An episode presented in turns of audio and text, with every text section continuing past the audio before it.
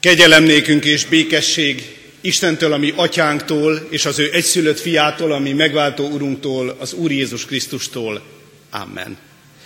Kedves gyülekezet, Isten tiszteletünk kezdetén énekeljük fennállva a 150. Zsoltárunknak az első versét. A 150. Zsoltár első verse így kezdődik, dicsérjétek az Urat.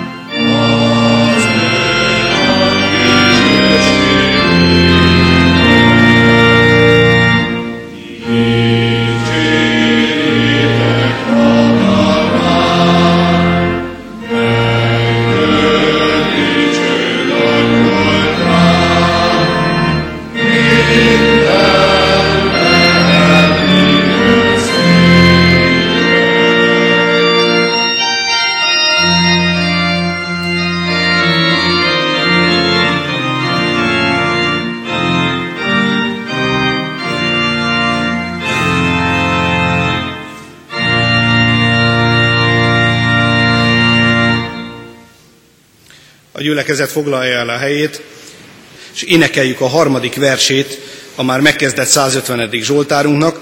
A harmadik vers így kezdődik, az Urat cimbalmokban és egyéb szerszámokban minnyáján dicsérjétek.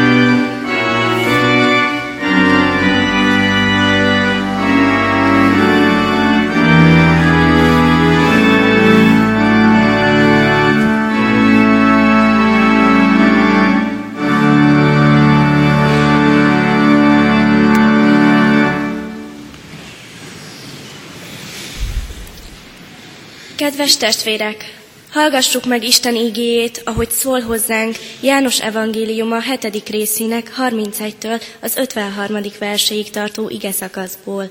Isten ígéjét alázatos szívvel, figyelemmel hallgassuk. Isten ígéje így szól. A sokaságból sokan hittek benne, és ezt mondták. A Krisztus, amikor eljön, tesze több jelt, mint amennyit ezt tett. Meghallották a farizeusok, hogy a sokaság ezeket suttogja róla, és szolgákat küldtek a főpapok és a farizeusok, hogy fogják el őt. Jézus ekkor így szólt. Még egy kis ideig veletek vagyok, de elmegyek ahhoz, aki elküldött engem. Kerestek majd engem, de nem találtok meg, mert ahol én vagyok, oda ti nem jöhettek. A zsidók erre így beszéltek egymás között. Hova akar menni, hogy nem találjuk meg? Talán a görögök között lévő szórványba készül, és a görögöket akarja tanítani? Miféle beszéd ez? Kerestek majd engem, de nem találtok, mert ahol én vagyok, oda ti nem jöhettek. Az ünnep utolsó napján felállt Jézus, és így kiáltott. Ha valaki szomjazik, jöjjön hozzám, és igyék. Aki hisz én bennem, ahogy az írás mondja, annak belsejéből élő víz folyamai ömlenek. Ez pedig a lélekről mondja, aki, akit a benne hívők fognak kapni, mert még nem adatott a lélek, mivel Jézus még nem dicsőült meg. A sokaságból azok, akik hallották ezt az ígét, ezt mondták. Valóban ez a próféta. Mások így szóltak. A Krisztus ez. Többen pedig ezt mondták rá, csak nem Galileából jön el a Krisztus.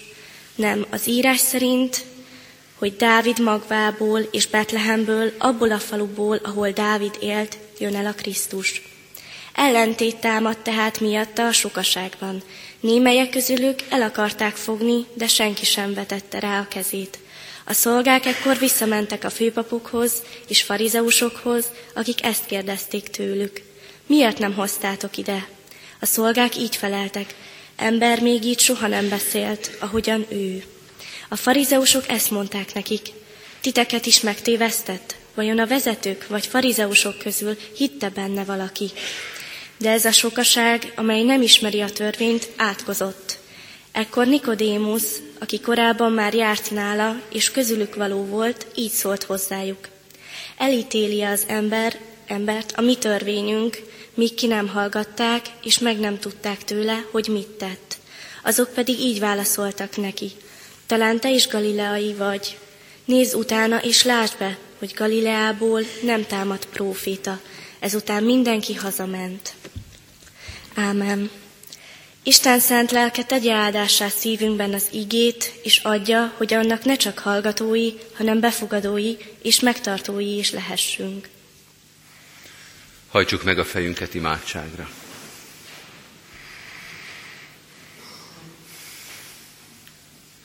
Urunk, Te, aki minden hitnek és Krisztus ismeretnek a szerzője vagy, légy itt velünk. Gerjeszt fel a szívünkben a hitnek, a reménységnek, a bizalomnak a lángját. Mert nálad nélkül kihűl a szívünk és az életünk.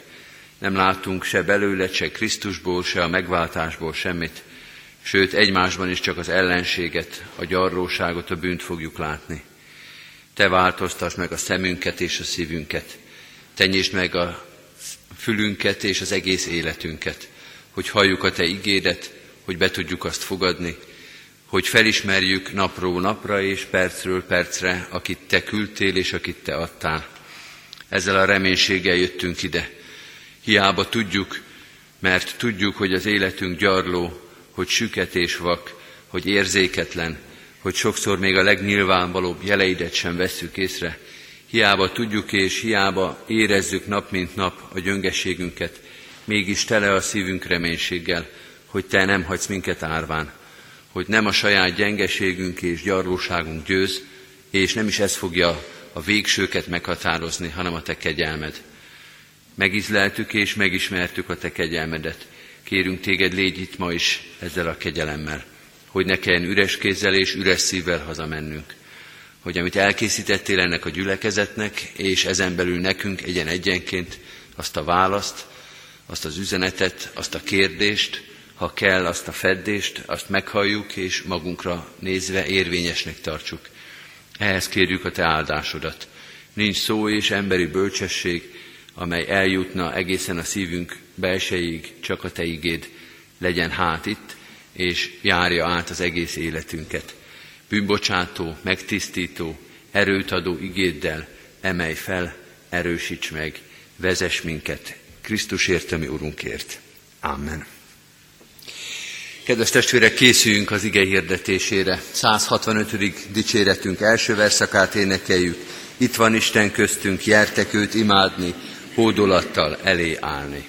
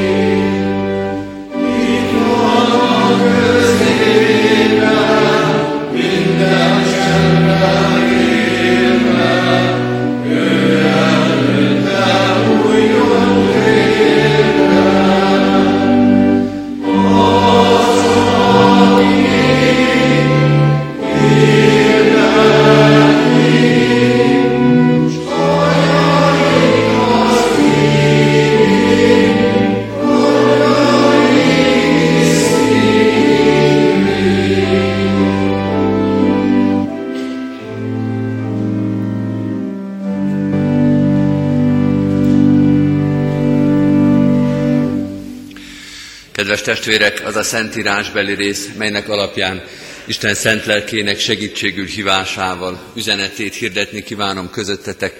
Írva található a felolvasott bibliai részben, János evangéliumának a hetedik részében, a 31. és 32. versben a következőképpen. A sokaságból sokan hittek benne, és ezt mondták, a Krisztus, amikor eljön, tesze majd még több jelt, mint amennyit ez is tett. Meghallották a farizeusok, hogy a sokaság ezeket suttogja róla, és szolgákat küldtek a főpapok és a farizeusok, hogy elfogják őt. Eddig Istennek írott igéje.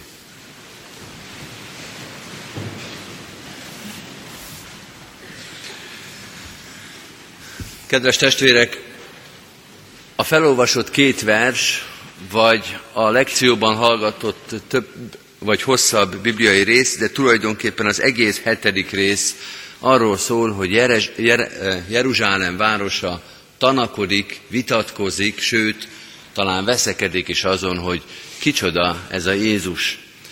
Jézus megjelenik előttük, Jézus megjelenik az ember előtt, jeleket és csodákat tesz, megszólal, prédikál, önmagáról is val, és megbojdul az egész város, nem csak amikor bevonul Jeruzsálembe, nem csak a virágvasárnak alkalommal, hanem most is. Jézus templomban van, a templomi környezetben, vagyis Izraelnek a szívében, és azon tanakodik Izrael, hogy mit kellene vele kezdeni.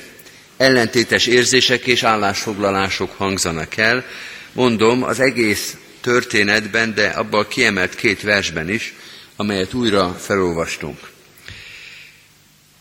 Jeruzsálem története, az ember története, és magunkra ismerhetünk benne. Akár a mai közösségeinket és társadalmunkat nézzük, akár a saját szívünket és a saját életünket. Hogy mi van akkor, amikor elénk áll a Krisztus, belenéz a szemünkbe, és állásfoglalást vár tőlünk. Hogy mi kinek tartjuk őt. Mert nem csak Jeruzsálemnek jutott ki ebből a kényelmetlen, megizzasztó helyzetből, hogy most már el kellene dönteni, hogy mit gondolunk erről a názáreti Jézusról, hanem kijut ez minden embernek, odaáll elénk, és arra vár, hogy most már ne csak azt mondjuk el, hogy mások mit gondolnak Jézusról, hanem mi is nyilatkozzunk. Máté evangéliumában van az a híres rész, amikor Jézus a tanítványokat iskoláztatja, vizsgáztatja, és megkérdezi, hogy kinek mondják az emberek az ember fiát, és utána fölteszi a kérdést, amit minden keresztény generáció, minden keresztény közösség, minden társadalom és minden ember személyesen meg fog hallani, és ti kinek mondatok engem. És itt már nem számít az, hogy a mások mit gondolnak, hanem azt kell mondani, hogy mi mit gondolunk.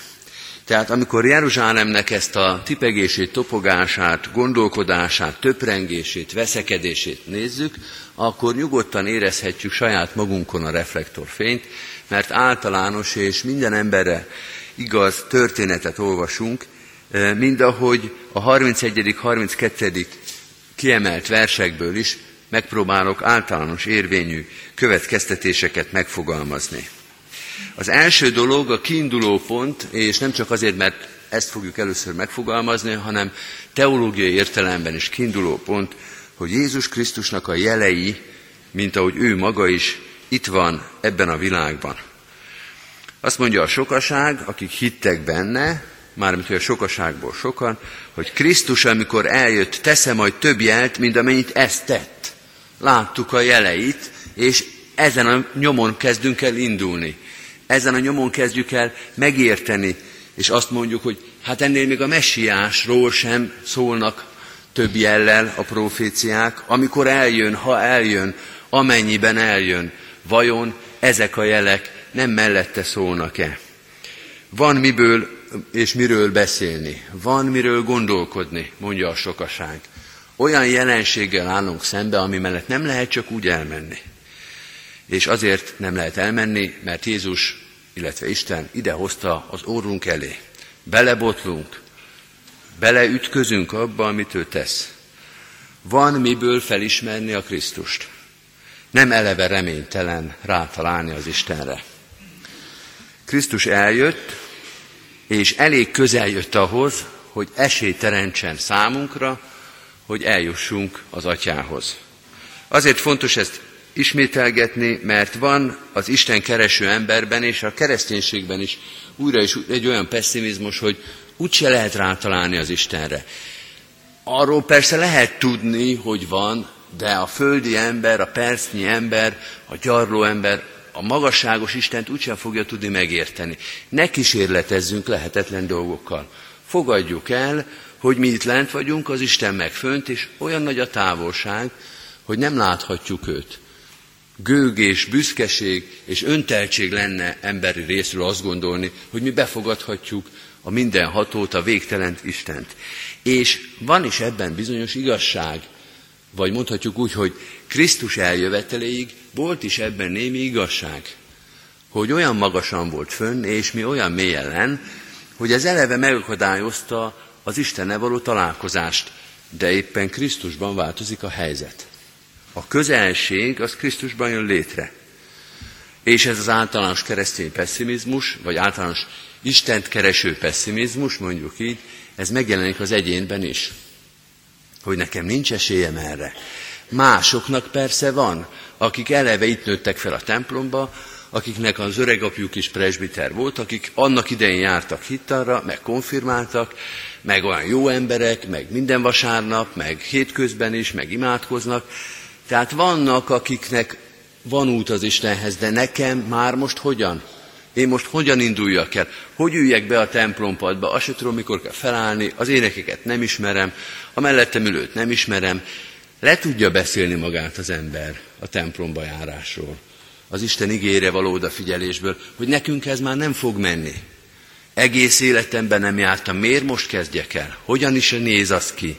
Nem tekintik-e azt köpönyek forgatásnak? Nem néznek-e majd a templomból? Nem néznek-e ki a templomból? Amikor tudják, hogy én nem jöttem, és most meg ide ódalgok. Nehéz öreg fejjel elkezdeni. Vagy ahogy Nikodémus az ebben a történetben is megszólaló ember mondja, születhet-e újjá az ember, ha? El lehet-e kezdeni mondjuk 50-60-70 évesen hinni, Krisztust keresni és templomba járni? Ismerek egy fiatal embert, aki Németországban él, orgonista egyébként, kántor is, de zenetanár is, és a speciális munkaterülete az idősek zeneoktatása. Ennek elsősorban terápiás, vagy ilyen mentálhigiénis jelentősége van, de arra épül, hogy 70-80 évesen is el lehet kezdeni zenét tanulni. Újra vissza lehet térni, meg el lehet kezdeni. És ott is így kezdődik. 70 évesen elkezdeni a szófést, 70 évesen venni a furuját és elkezdeni igazgatni az öreg újakat. Van ennek értelme? Van ennek esélye? Nem gúny, nem nevetség tárgya ilyen idős körben elkezdeni valamit, amivel nem is foglalkoztunk? Van úgy, hogy az ember úgy érzi, hogy már mindenhez késő, már nem érdemes valamivel foglalkozni. Az a történet, amely olvasunk, azt mondja, hogy Krisztussal, aki közel jött, aki itt van, aki ezért jött közel, érdemes elindulni, mert reális. Mindahogy, bármennyire is nekem is lehetetlennek tűnik, vannak emberek, akik 70-80 évesen tanulnak meg muzsikálni. És ez nekik jó, és ez őket erősíti, és ez őket építi, és a gyümölcsei megvannak a dolognak, pedig innen nézve, a kezdettől nézve reménynek, reménytelennek tűnik. Első gondolat tehát, reális, valóságos esély van a Krisztussal találkozni és a Krisztus jeleit meglátni. Erre épül a második gondolat is, amit ez a történet, vagy a két kiemelt vers talán ki is élez, ahhoz, hogy rátaláljunk a Krisztusra, a Krisztus hitre, ahhoz közel kell hozzá menni közel kell hozzá menni, hogyha mi meg akarjuk találni. És ez a nagy különbség a sokaság és a farizeusok között. Két csoportot látunk, a sokaságot, egy megnevezetlen embertömeget, és a farizeusokat és a főpapokat. A sokaságból azt mondják sokan, hogy láttuk a jeleit, és megindul bennünk a gondolkodás, a reménykedés, hogy vajon nem ő-e a Krisztus. A jelek láttán, a vele való találkozás láttán. Ez a sokaság. Mit tesz a farizeus közösség, mit tesz az a másik? hallja a sokaságot suttogni, beszélni, gondolkodni, és azt mondja, hogy itt valami baj van, itt valamit lépni kell. Nem a Krisztussal találkozik, hanem a sokaság reakcióiból következtet. Elég távol tudja tartani magát ahhoz Krisztushoz, Krisztustól, hogy ellenséges mozdulatokra ragadtassa magát. Elég távol tudja tartani magát a Krisztustól, hogy hit nélkül, Krisztus ismeret nélkül megúszhassa ezt a történetet. Ha elég távol tudunk maradni tőle, akkor meg tudjuk őrizni magunkat a hatás alól. Ahhoz, hogy hitre jussunk, hogy elkezdjünk gondolkodni, hogy vajon nem ő-e a Krisztus, vajon nem rá van nekem szükségem, vajon nem erre várok már évek, évtizedek óta, vajon nem ezt kerestem egész életemben. Ahhoz, hogy ilyen kérdéseket föltegyen az ember, ahhoz oda kellett menni hozzá. Látni a jeleit, hallani a történeteit, hallgatni az ő hallgatását, amikor még csak meg se szólal, csak néz, vagy csak tűnődik, találkozni vele, ez a hitre jutásnak a feltétele. Olyan ez, mint az orvosi vizsgálat, attól, hogy mindenki más elment tüdőszűrésre, attól én még nem jutok előbbre, ahhoz nekem is el kell menni. Vannak dolgok, amit személyesen kell csinálni. Az, hogy mások mit mondanak, mások mit gondolnak, hogy mások már gondolkoznak azon, hogy vajon nem ez a Krisztus, az rajtam nem fog segíteni. Az bennem nem fog hitet ébreszteni. Mindenki, aki ott van, találkozik Krisztussal. Ezzel nem állítjuk azt, hogy mindenki, aki ott van, az hitre is jut. Nem állítjuk azt, mint ahogy az igesem, hogy a sokaságból mindenki tanakodik már a Krisztuson. A sokaságból sokan. Tehát az nem igaz, hogy mindenki, aki elmegy egészen Krisztusig, beül a templompadba, meghallgatja az imádságot, a prédikációt, az éneket, hogy az hitre jut. De aki nincs ott, az biztos, hogy nem fog hitre jutni. Ez nem igaz ez a mondat. Kedves testvérek, az Isten nagy kegyelme, hogy ez a mondat nem igaz, hogy aki nem megy el Krisztushoz, az biztos, hogy nem fog hitre jutni. Ez az Istennek a nagy kegyelme, hogy Isten még azok után is utána tud menni, akik egyébként nem mentek el hozzá. Pálapostól. Olyan messzire tartotta magától a Krisztust, amennyire csak lehetett. És az Istennek volt arra szándéka és akarata, hogy ez a Krisztus tagadó, Isten tagadó, Krisztust üldöző Pál, ez ne tudjon elszökni előle, és utána megy, és mégiscsak létrejön a Krisztus közelség, de nem azért, mert Pál megkereste Krisztust, hanem azért, mert az Isten még utána és utána ment. Tehát fogalmazzuk pontosan, nem az kell, hogy mi keressük a Krisztust, bár egyébként azért csak keressük, keressük, hanem a Krisztus közelség kell. És van, amikor az ember maga megy oda a közelbe, és van, amikor még a Krisztus tagadóhoz is közel kerülhet a Krisztus, mert utána megy. Addig üldözi azt a pált Jézus, amíg meg nem találja. Hány ilyen történet van a mi környezetünkben is, talán a mi életünkben is, hogy nem, hogy nem kerestük a Krisztust, de tagadtuk, de talán üldöztük, de talán gúnyoltuk, és az Isten mégis megtalált minket. Úgy jött, hozzá, jött közel hozzánk, hogy mi nem kértük, nem vártuk, nem is kerestük. És mégis létrejött nem csak a közelség, hanem a Krisztusra találás, a Krisztussal való megbékélés, a bocsánatkérés, a megengesztelődés és a bűnbocsánat. Olyanok vagyunk néha, mint a duzzogó gyerekek, akik bevágják maguk mögött az ajtót, bemennek a szobájukba, és persze az lenne az igazi, és az lenne a méltó, és az lenne a pedagógus, hogy megtanuljon a gyerek kijönni, és bocsánatot kérni, és megengesztelődni, de van, amikor nem lesz addig béke, amíg az édesapa oda nem megy, vagy az édesanyja oda nem megy, és átöleli azt a gyereket, akinek egyébként bocsánatot kellene kérnie. Ő volt a rossz, de nem tud még megbékélni. De amikor már a szülőnek az ölébe van, akkor létrejöhet ez a békesség. Ahhoz még mindig a szülőnek kell esetleg menni, hogy az a gyerek a szívében megbékéljen, bocsánatot tudjon kérni, és megengesztelődjön. Igen, az Úristen a duzzogó gyermekei után és utána megy, és hitet és Krisztus ismeretet adhat ott is, ahol egyébként a szívekben még Krisztus tagadás van.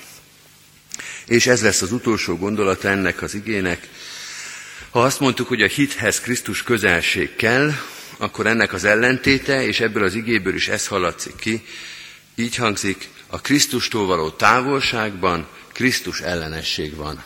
A Krisztustól való távolságban, vagy inkább mondjuk így, a Krisztustól való távolság tartásban Krisztus ellenesség van. Egyik példa az előbb idézett Pál, hogy ő tartotta a távolságot Krisztustól, amennyire csak lehetett, és üldözte is, és üldözte az övéit, és kész volt még Damaszkuszba is elmenni, hogy börtönbe vesse a keresztényeket. Aki távol tartja magát a Krisztustól, mind ahogy itt is olvassuk, a farizeusok, akik a sokaságnak a beszédéből próbálnak információkat nyerni, azok hamar fogják elhatározni az elfogatást, az elpusztítást.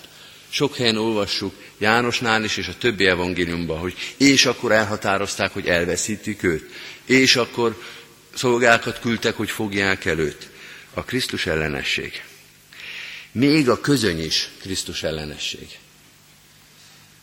Kis jó indulattal mondhatnánk azt, hogy hát ezek a farizeusok meg főpapok most rosszak voltak, mert el akarták fogadni, de ha legalább nem csináltak volna semmit. Nem kell elfogadni, ha csak úgy távol maradtak volna, és nem mondtak volna semmit, se jót, se rosszat, az jobb lett volna. De kedves testvérek, vannak helyzetek, amikor ez nem igaz, mert a közöny is nagyjából ugyanazt eredményezi, mint a támadás, a Krisztus ellenesség, a gyűlölködés. Olyan ez, kedves testvérek, mint a mentőhajó. Ha úsznak a hajó töröttek a vízben, és jön a mentőhajó, persze ilyen helyzet nincsen, de most képzeljük el, hogy szavazást rendeznek, hogy ki van amellett, hogy felszálljunk a mentőhajóba. Ez egy olyan helyzet, ahol a tartózkodás nemnek fog számítani. Tartózkodni ilyenkor nem elég, hanem igennel kell szavazni. A Krisztus is ezt várja hogy tartózkodni, meg nemet mondani, az ugyanarra az eredményre fog vezetni.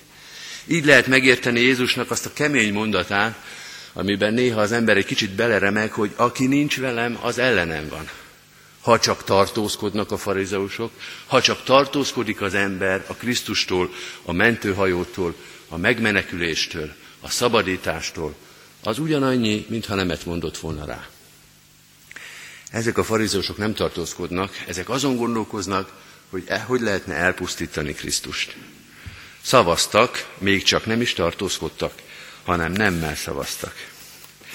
Kedves testvérek, talán egy kicsit sötét volt ennek az igehirdetésnek az utolsó gondolata, de hadd menjek vissza a bevezetéshez. Amit itt olvasunk János evangéliumának a hetedik részébe, az egy városról szól, meg egy akkori társadalomról, de a mai, a mindenkori embernek a szívét írja le hogy ugyanez dúl bennünk is. Nem mindig és nem mindenkor ugyanaz, de e között cikázik az embernek a szíve. Látjuk a jeleket, vajon nem ezt kerestük, nem ezt vártuk? Elmerjük kötelezni magunkat? Közel tudunk menni hozzá? Elfogadjuk őt? Vagy távol tartjuk magunkat? Elég távol ahhoz, hogy lehessen nemet mondani? Minden ember ezt az utat járja be.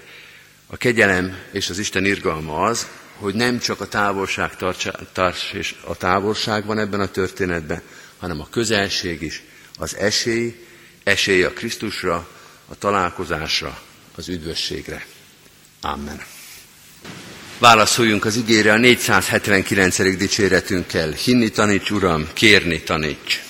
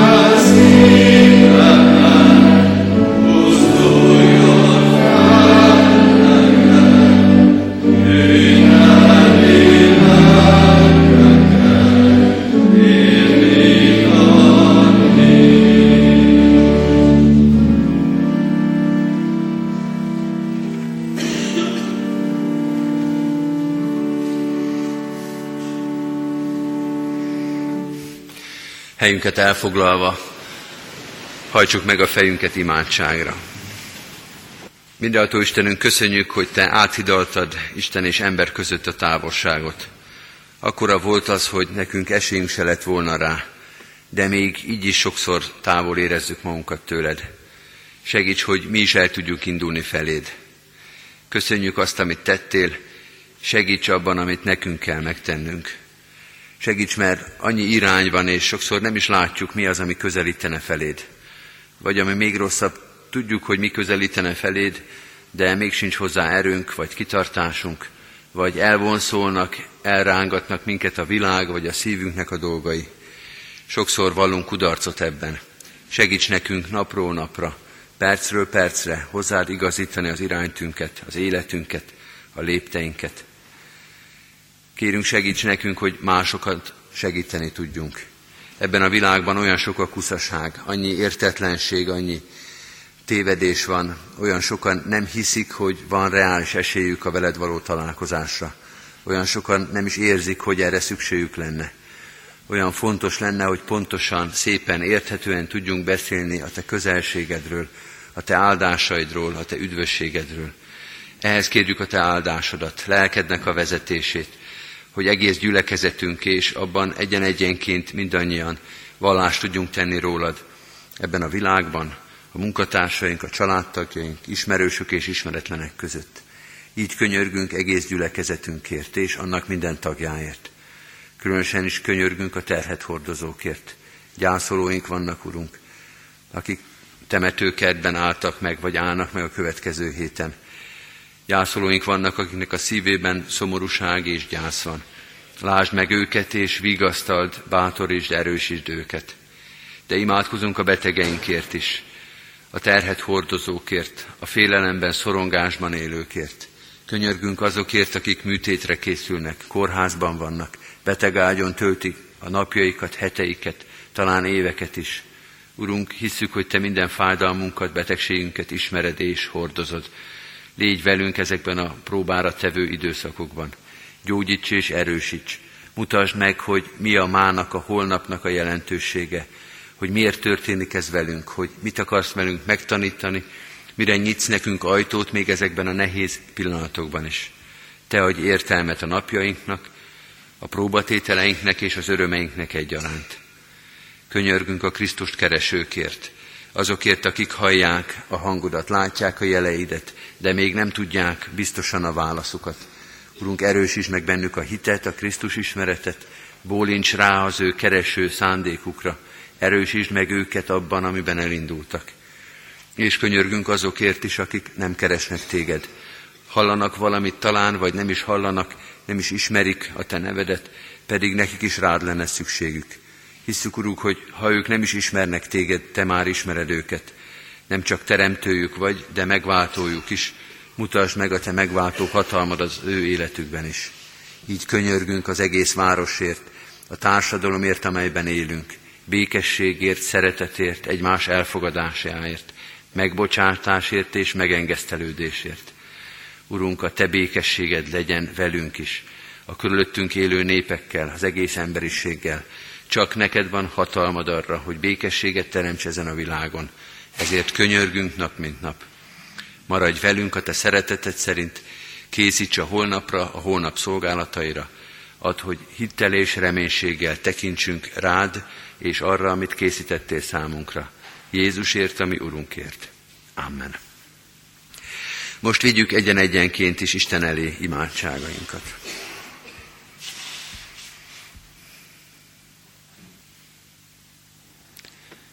Amen. Ti azért így imádkozzatok. Mi atyánk, aki a mennyekben vagy, szenteltessék meg a te neved. Jöjjön el a te országod. Legyen meg a te akaratod, amint a mennyben, úgy a földön is. Minden napi kenyerünket add meg nékünk ma, és bocsáss meg védkeinket, miképpen mi is megbocsátunk az ellenünk védkezőknek. És ne vigy minket kísértésbe, de szabadíts meg a gonosztól, mert Téd az ország, a hatalom és a dicsőség mind örökké. Amen. Hirdetem az adakozás lehetőségét a gyülekezetnek, hálával áldozzál az Úrnak, és teljesítsd a felségesnek tett fogadásidat. Mindezek után Istennek népe, az Úr Jézus Krisztusnak kegyelme, Istennek, ami atyánknak szeretete, és a Szentlélek Istennek közössége legyen, és maradjon minnyájatokkal. Amen. Most pedig záró énekünket énekeljük, kedves testvérek, a már megkezdett 479. dicséretünket, második, harmadik és negyedik verszakokat. Hinni taníts, Uram, kérni taníts, lélekből lelkesen kérni taníts.